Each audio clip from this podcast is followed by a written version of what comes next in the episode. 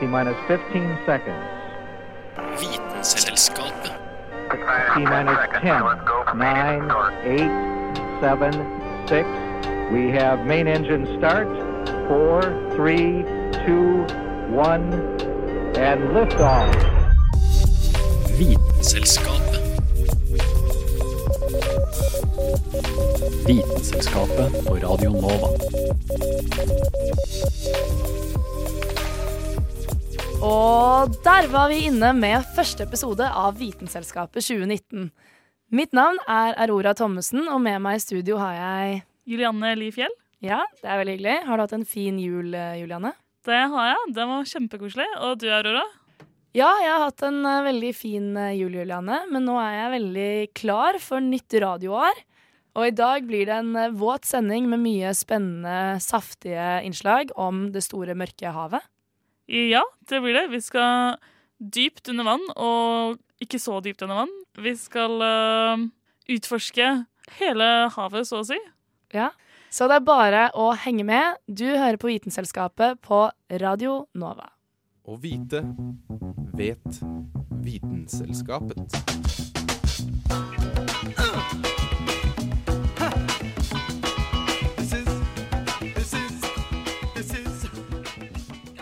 Den norske breiflabben er en maurulk. Den er flat og brei og har en ganske stor munn med masse små, spisse tenner. Men det finnes andre varianter av maurulken som lever mye lenger ned i havdypet og er enda eklere og mer mystisk. Da jeg var mindre, var jeg veldig redd for at en stor, ekkel fisk skulle bite meg i foten mens jeg var ute og badet. Spesielt den stygge fisken med stort gap, masse tenner og et lys på toppen av hodet. Altså en dypvannsmarulk. Uansett om du også kanskje var redd for det samme, så kan jeg komme med en gladmelding. Denne dypvannsmarulken, som navnet tilsier, bor på dypet av havet. Så langt som over 300 meter rett ned. Og hvis denne fisken noen gang skulle kommet opp på vårt nivå, så ville den ha eksplodert innvendig pga. trykkendringene. Så da er det vel kanskje ikke noe å være redd for allikevel. Men hvorfor er denne fisken så ekstremt stygg? Eller hvorfor har han så stort hode og munn i forhold til resten av kroppen? Hvorfor den er stygg, har jeg dessverre ikke noe godt svar på. Men den store munnen og tennene er for å sikre at den får i seg nok mat. På havdypet er det nemlig veldig få fisker som bor i forhold til lengre oppe. Og det kan faktisk gå flere måneder mellom hvert måltid for denne her fisken. Så for at denne her skal klare å spise nok, så har den fått en veldig stor munn, sånn at når den først møter på noe mat, så klarer den å fange det. På dypet er det heller ikke noe lys, så derfor har han utviklet en slags fiskestang med lys som både viser vei og lokker mat inn i munnen sin. Selve lyset er egentlig bare selvlysende bakterier som har festet seg på denne stangen. Man vet ganske lite om hvordan dette her samarbeidet med lysende bakterier og fiskestangen oppsto. Men det må vel være fordelaktig for begge partene, siden begge artene fortsatt lever i dag. En annen litt gøy ting om denne her dypvannsmarulken er at mange av artene har et veldig merkelig samliv med det andre kjønn. Hunnene kan bli veldig mye større enn hannfiskene. Og for at hannfiskene skal få i seg nok mat, så biter den seg fast på skinnet til hunnfiskene, som en parasitt. Deretter så vil hannfisken skille ut mange forskjellige enzymer som løser opp skinnet til både damefisken og hannfisken, slik at de permanent er fast. De vil deretter vokse sammen som en enhet. Blodsystemet går inn i hverandre, og de indre organene til hannfisken blir mindre og mindre. Bortsett fra testiklene, som vokser større og større. Og da kan hannfisken befrukte hunnfisken og få barn. Hunnfiskene er virkelig ikke kresne når det gjelder hvor mange den vil dele livet sitt med. Det finnes nemlig ingen øvre grense for hvor mange hannfisker som kan feste seg på henne og leve som en enhet. Og dette innslaget ble laget av Anna Vik Røsseth. Du hører på Vitenselskapet på Radio Nova.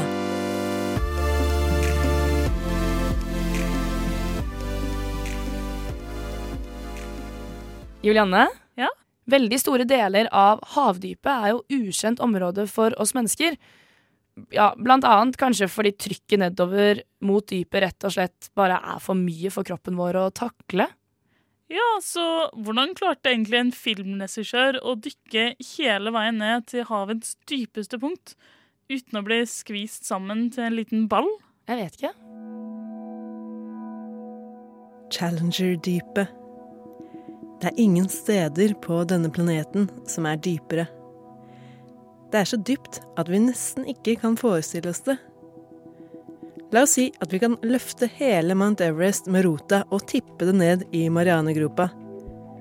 Verdens høyeste fjell ville allikevel sunket omtrent 2000 meter ned i havet. Så store høyder er det vi snakker om. Det er ca. 10 900 meter med gradvis kaldere, mørkere og mer trykkende omgivelser.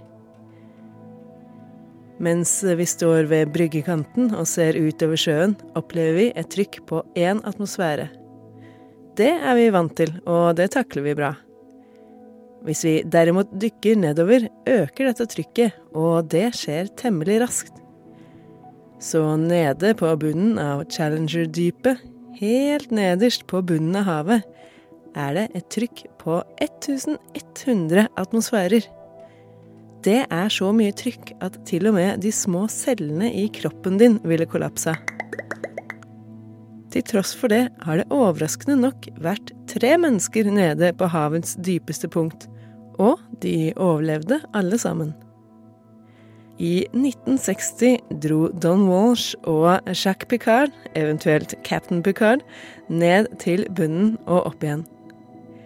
I 2012 ble bragden gjentatt av en mann som kanskje er mer kjent for å ha regissert en film om en annen synkende båt.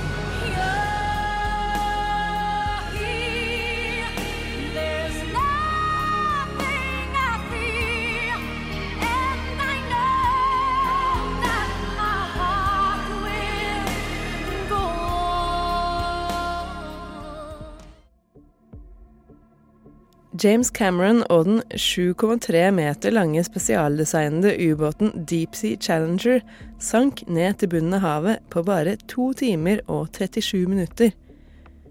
Selv om det nok var temmelig ubehagelig å sitte inni der, fikk han ikke engang dotter i ørene i løpet av turen. Grunnen til det var at ubåten var spesialdesigna for å tåle ekstremt trykk. Selve båten er laga av et spesielt skummateriale som er mye stivere enn vanlig skumgummi, men allikevel mer elastisk enn f.eks. et skrog av stål.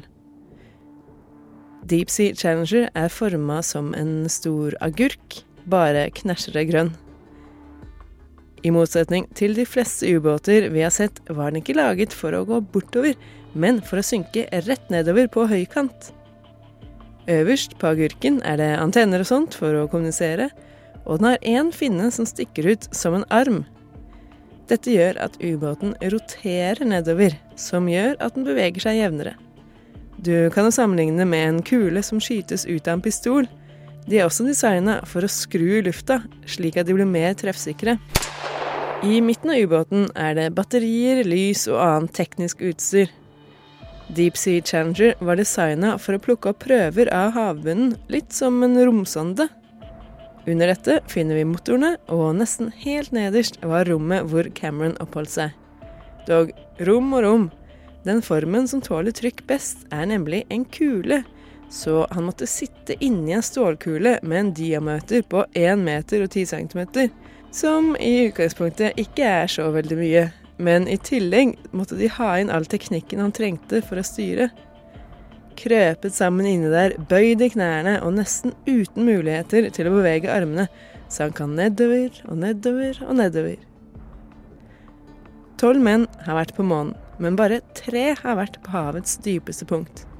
Og det er fremdeles masse igjen å oppdage, langt der under bølgene. Ubåten Deep Sea Challenger tålte de harde påkjenningene på havets dyp. Men den taklet ikke å reise gjennom Connecticut. I 2015 ble den nemlig totalskadet da traileren ble fraktet på begynte å brenne. Og hun som lagde dette innslaget, heter Kristin Grydeland. Vitenselskapet. Vitenselskap. Vitenselskapet. Vitenselskapet. Vitenselskapet.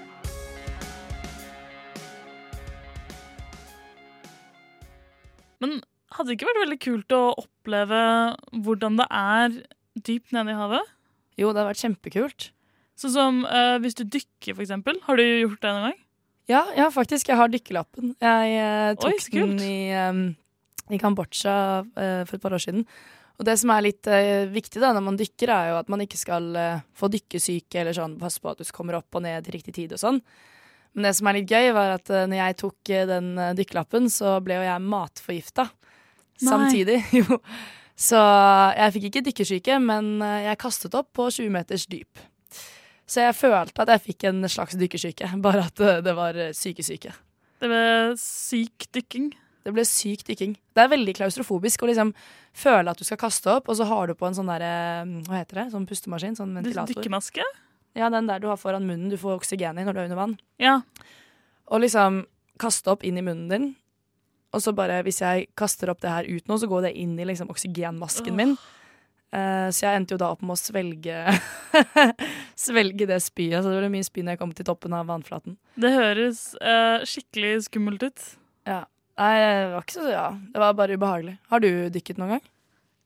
Nei, jeg har ikke Jeg holdt på å si jeg har så vidt prøvd uh, snorkling, men det var sånn når jeg var eh, ti år og bare hadde en snorkel, men visste ikke hvordan man skal bruke den. Nei, det er sånn også jeg ikke har liksom tenkt at man må lære seg å bruke, men snorkling er egentlig kjempefint. Vi hadde litt sånn snorkelkurs på starten før vi begynte på dykking. Og det er jo sånn, du må jo fortsatt, hvis du snorkler og dykker typ eh, to-tre meter ned, så må du fortsatt utjevne, utligne, blåse ut av ørene og liksom passe på trykket, for det er jo liksom sånn Ja, du får jo trykket uansett. Ja, du gjør det. Du merker egentlig trykket mest de to første meterne når du går ned. Det er da du bare kjenner at hodet ditt eksploderer hvis ikke du utligner underveis. Er ikke det veldig gøy med tanke på at hvis du går to meter over havet, så kjenner du ikke noe særlig forskjell? Jo, det er faktisk ganske rart. Fordi altså, sånn, Vi har jo like mye luft, men det er vel kanskje bare det at havet er så tungt. da. Ja, Én kilo hav er på en måte ganske mye mindre enn én kilo luft. det er sant. Så da blir det veldig mye mer trykk. Ja, jeg har veldig lyst til å dykke i Norge, egentlig. Ja, det er jo mye, mye fint å se utenfor kysten. Jeg kjenner noen andre som har dykket eh, rundt i Norge og syns det er veldig, det er veldig mye spennende å se. Ja, jeg, jeg har hørt at Norge er sånn type et av fem beste land å dykke i. At det er sånn Egypt, Norge, Indonesia Ja, Kambodsja var helt fantastisk. Det var, altså det var som eh, Lukk øynene dine og forestill deg at du googler gullfisker eller sånn tropehav. Ja, masse sånn eh, Var Sånn det veldig fargerikt? Veldig fargerikt. Det var skikkelig sånn skjermsparegreie. En annen ting som også var ganske crazy når vi var nede og dykket der, var eh, at han dykkelæreren min, eh, instruktøren min, var sånn Kom hit, kom hit, liksom vinket meg til seg under vann. Og så viste han meg en fisk som så ut som et måte, piggsvin, på en måte. Bare lange finner i sånn rosa-oransjeaktig. Og så var han sånn Nå går vi opp. Og jeg hadde på meg dykkerdrakt som var bare armer og bare ben. Og så sier han ja, nå har du sett en av verdens farligste fisker. Hvis du hadde tatt på den, så måtte du ha amputert armen din. Wow. Ikke helt bra, kanskje, men uh, ganske sjukt. Ja. Men eh, skal vi høre kanskje nå, da, hva som faktisk skjer hvis du får ordentlig dykkersyke? Det syns jeg.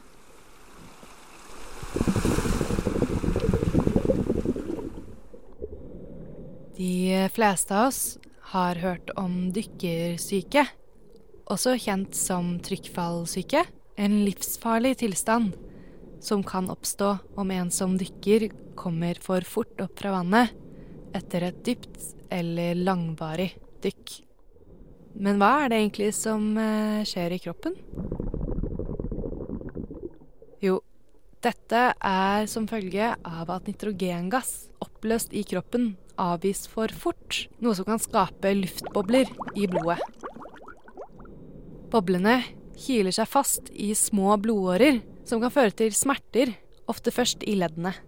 Videre kan det påvirke nervesystemet og forårsake lammelser i kroppen. Og ved kraftig bobledannelse kan det oppstå en tilstand der blodsirkulasjonen blir hemmet av store mengder gassbobler i hjertet og i lungenes blodårer, noe som da kan være livsfarlig. Dykkeren er ofte dehydrert, noe som forverrer blodsirkulasjonen i de minste årene, der hvor stoffskiftet og gassutvekslingen skjer. Hvite blodlegemer, altså de som dreper bakterier og andre mikroorganismer, og blodplater, de som bidrar til å stoppe blødninger, blir eh, aktivert av gassbobler. Ved bobledannelse aktiviserer en rekke andre forsvarsreaksjoner i blodet, lik dem man kjenner ved infeksjon og allergiske reaksjoner. En av de mulige behandlingene av dykkesyke er eh, hyperbar oksygenbehandling.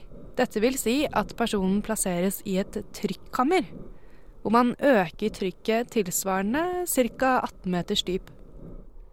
Så reduseres trykket langsomt, hvilket tilsvarer en langsom oppstigning.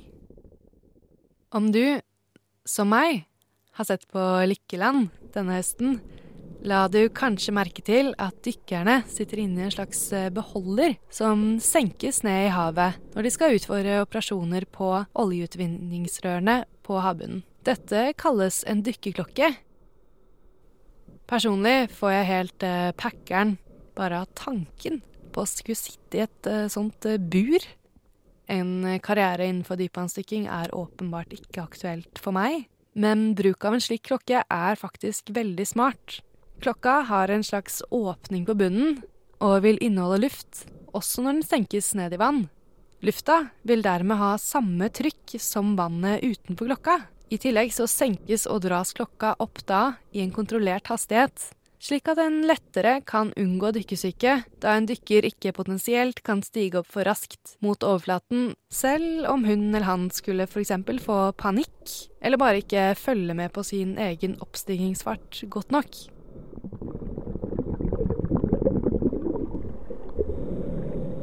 Det kan være veldig fett, og også faktisk viktig og nødvendig å dypvannsdykke. Jeg ser appellen, altså, men man må være godt forberedt og trent. Og selvfølgelig kjenne til symptomene på både dykkesyke og andre tilstander som kan oppstå. Og dette innslaget ble laget av Sunniva Sol Sandnes Blix. Hæla i taket med Vitenselskapet.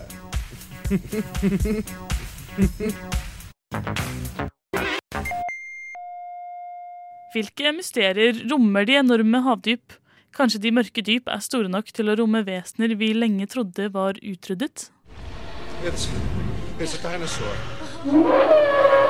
The previous rulers of our planet, the dinosaurs, reigned for 150 Dino DNA. Really spectacular. Spared no expense. Dag Dramers dinohjørne. Spared no expense.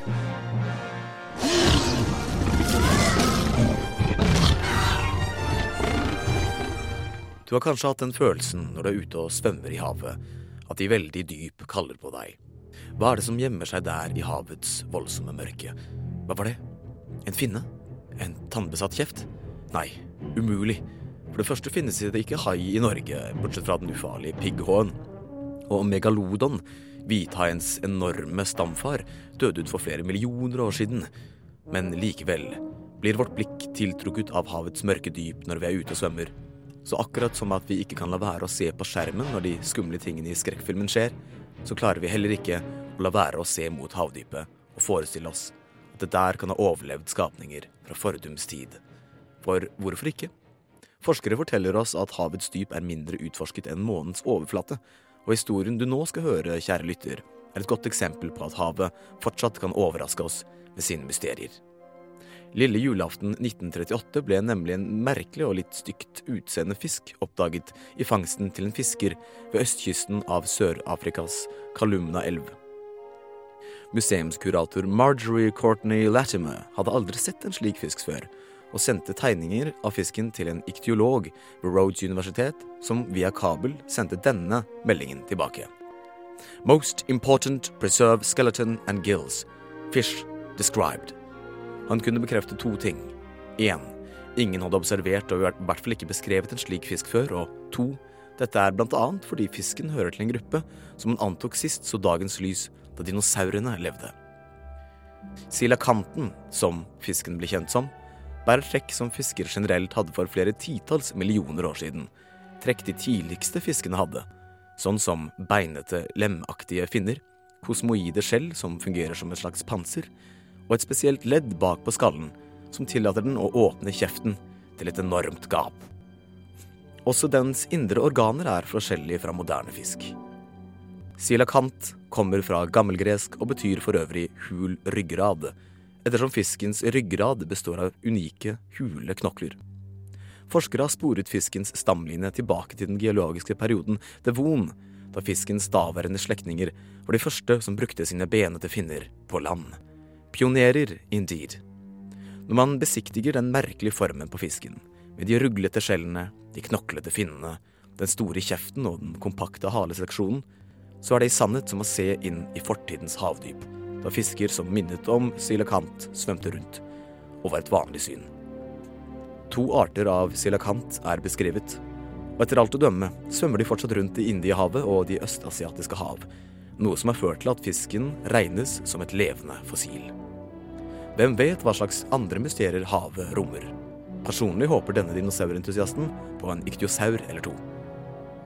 Og dette innslaget ble laget av Dag August Schmedling Dramer. Oslo 2 igjen, Oslo 2. Dette er Vitenselskapet. Radio November, Oskar, Viktor, Alfa.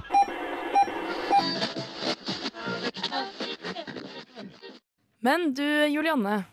Ja? Nå har vi jo snakket eh, mye om at det er mye rart og mystisk der ute i havet som ikke vi kjenner til fra før av. Ja. Men du har jo gått litt enda mer i dybden på hva som faktisk fins helt nede i dypet.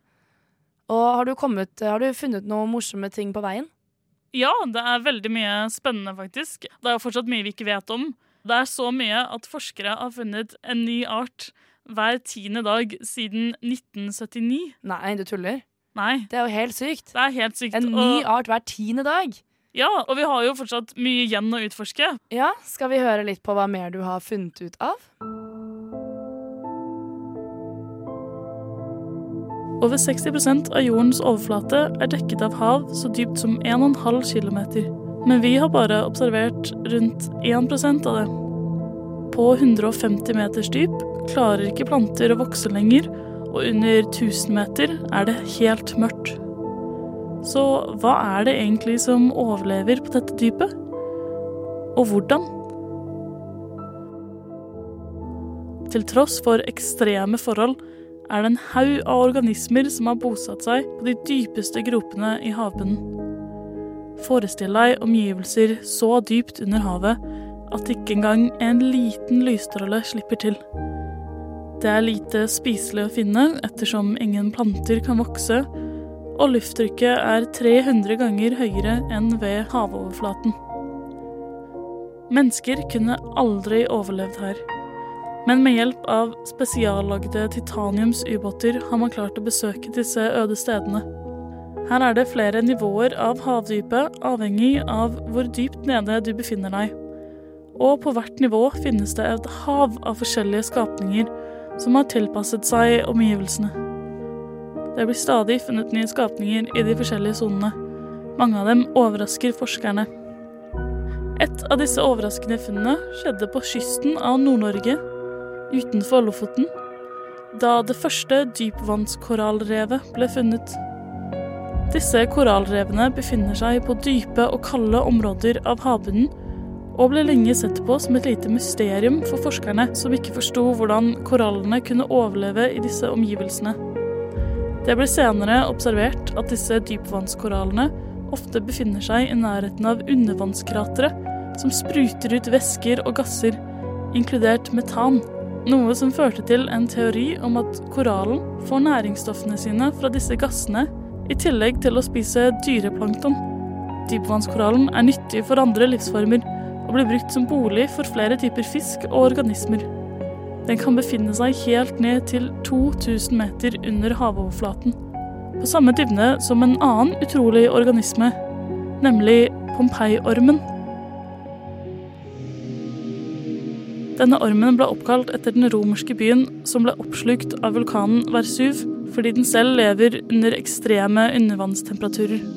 Rundt to kilometer under havoverflaten ligger temperaturen normalt på 3-4 grader celsius, men i områdene hvor Pompeii-ormen befinner seg, kan temperaturene fort gå opp til 80 grader. Dette er pga. undervannsventiler som slipper ut svart eller hvit røyk sammen med ekstremt varmt vann. Her snakker vi temperaturer på 400 grader celsius. Det er fire ganger høyere enn kokepunktet. Pompeii-ormen er den eneste skapningen vi vet om som kan overleve i slike temperaturer. Selv om det finnes flere andre ormer og krabber beboende på samme dyp, bare litt lenger unna. Mineralene som slippes ut av undervannsventilene, er kilden til alt av liv på dette dypet, og teorien til forskere er at det også var kilden til de første levende skapningene på jorda.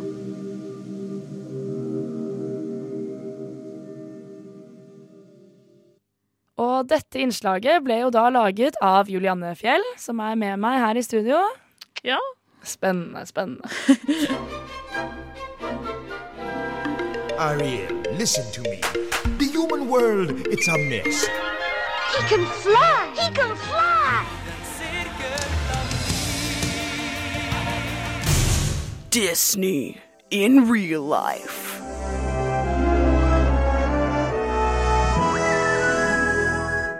Ja, og nå, kjære lytter, nå begynner vi å nærme oss slutten av dagens sending. Men Juliane, jeg har et spørsmål til til deg. Ja. Vet vi noe om hvordan fiskene nede på havbunnen ser ut? Vi vet litt altså, av de vi har funnet, i hvert fall. De prøver jo så godt som mulig å gjemme seg. Fordi poenget deres er jo ikke bli sett av rovdyr, men å kunne finne bytte selv. Eh, Så mange av de har jo blitt gjennomsiktige. Det er ganske kult. Mm. Uh, Og noen av de har til og med blitt så gode til å gjemme seg at uh, de har noe sånn sølvreflekterende greier på sidene. Og noen Jeg husker ikke, jeg tror det er noen type kjertler eller noe under kroppen som da kan gi ut ca. samme lys som det kommer fra overflaten, sånn at rovdyr som kommer underfra, ikke klarer å se silhuetten deres. Og da klarer å gjemme seg helt. Det er utrolig fascinerende. Det er, det er veldig mange fascinerende uh, fisker veldig la, langt nede.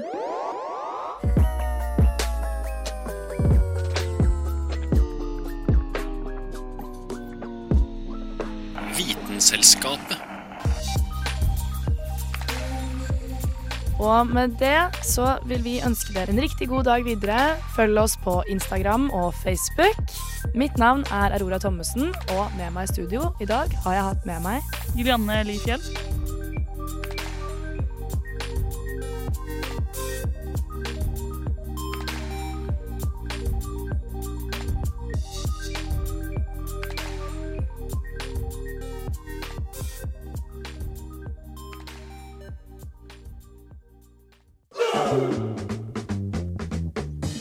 Vitenselskapet.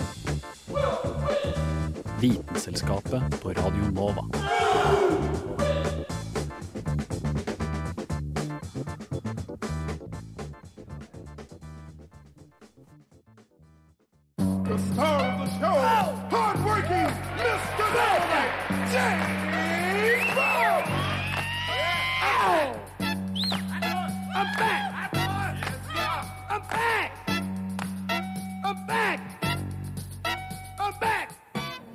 Everybody. This is James Brown, the Godfather Soul on Radio Nova.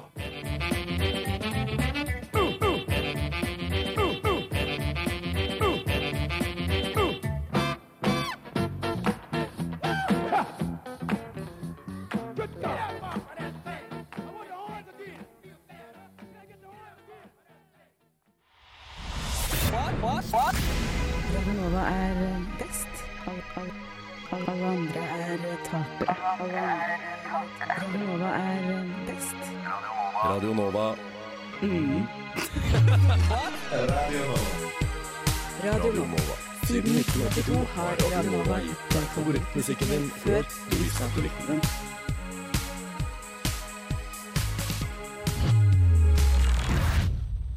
Shut up!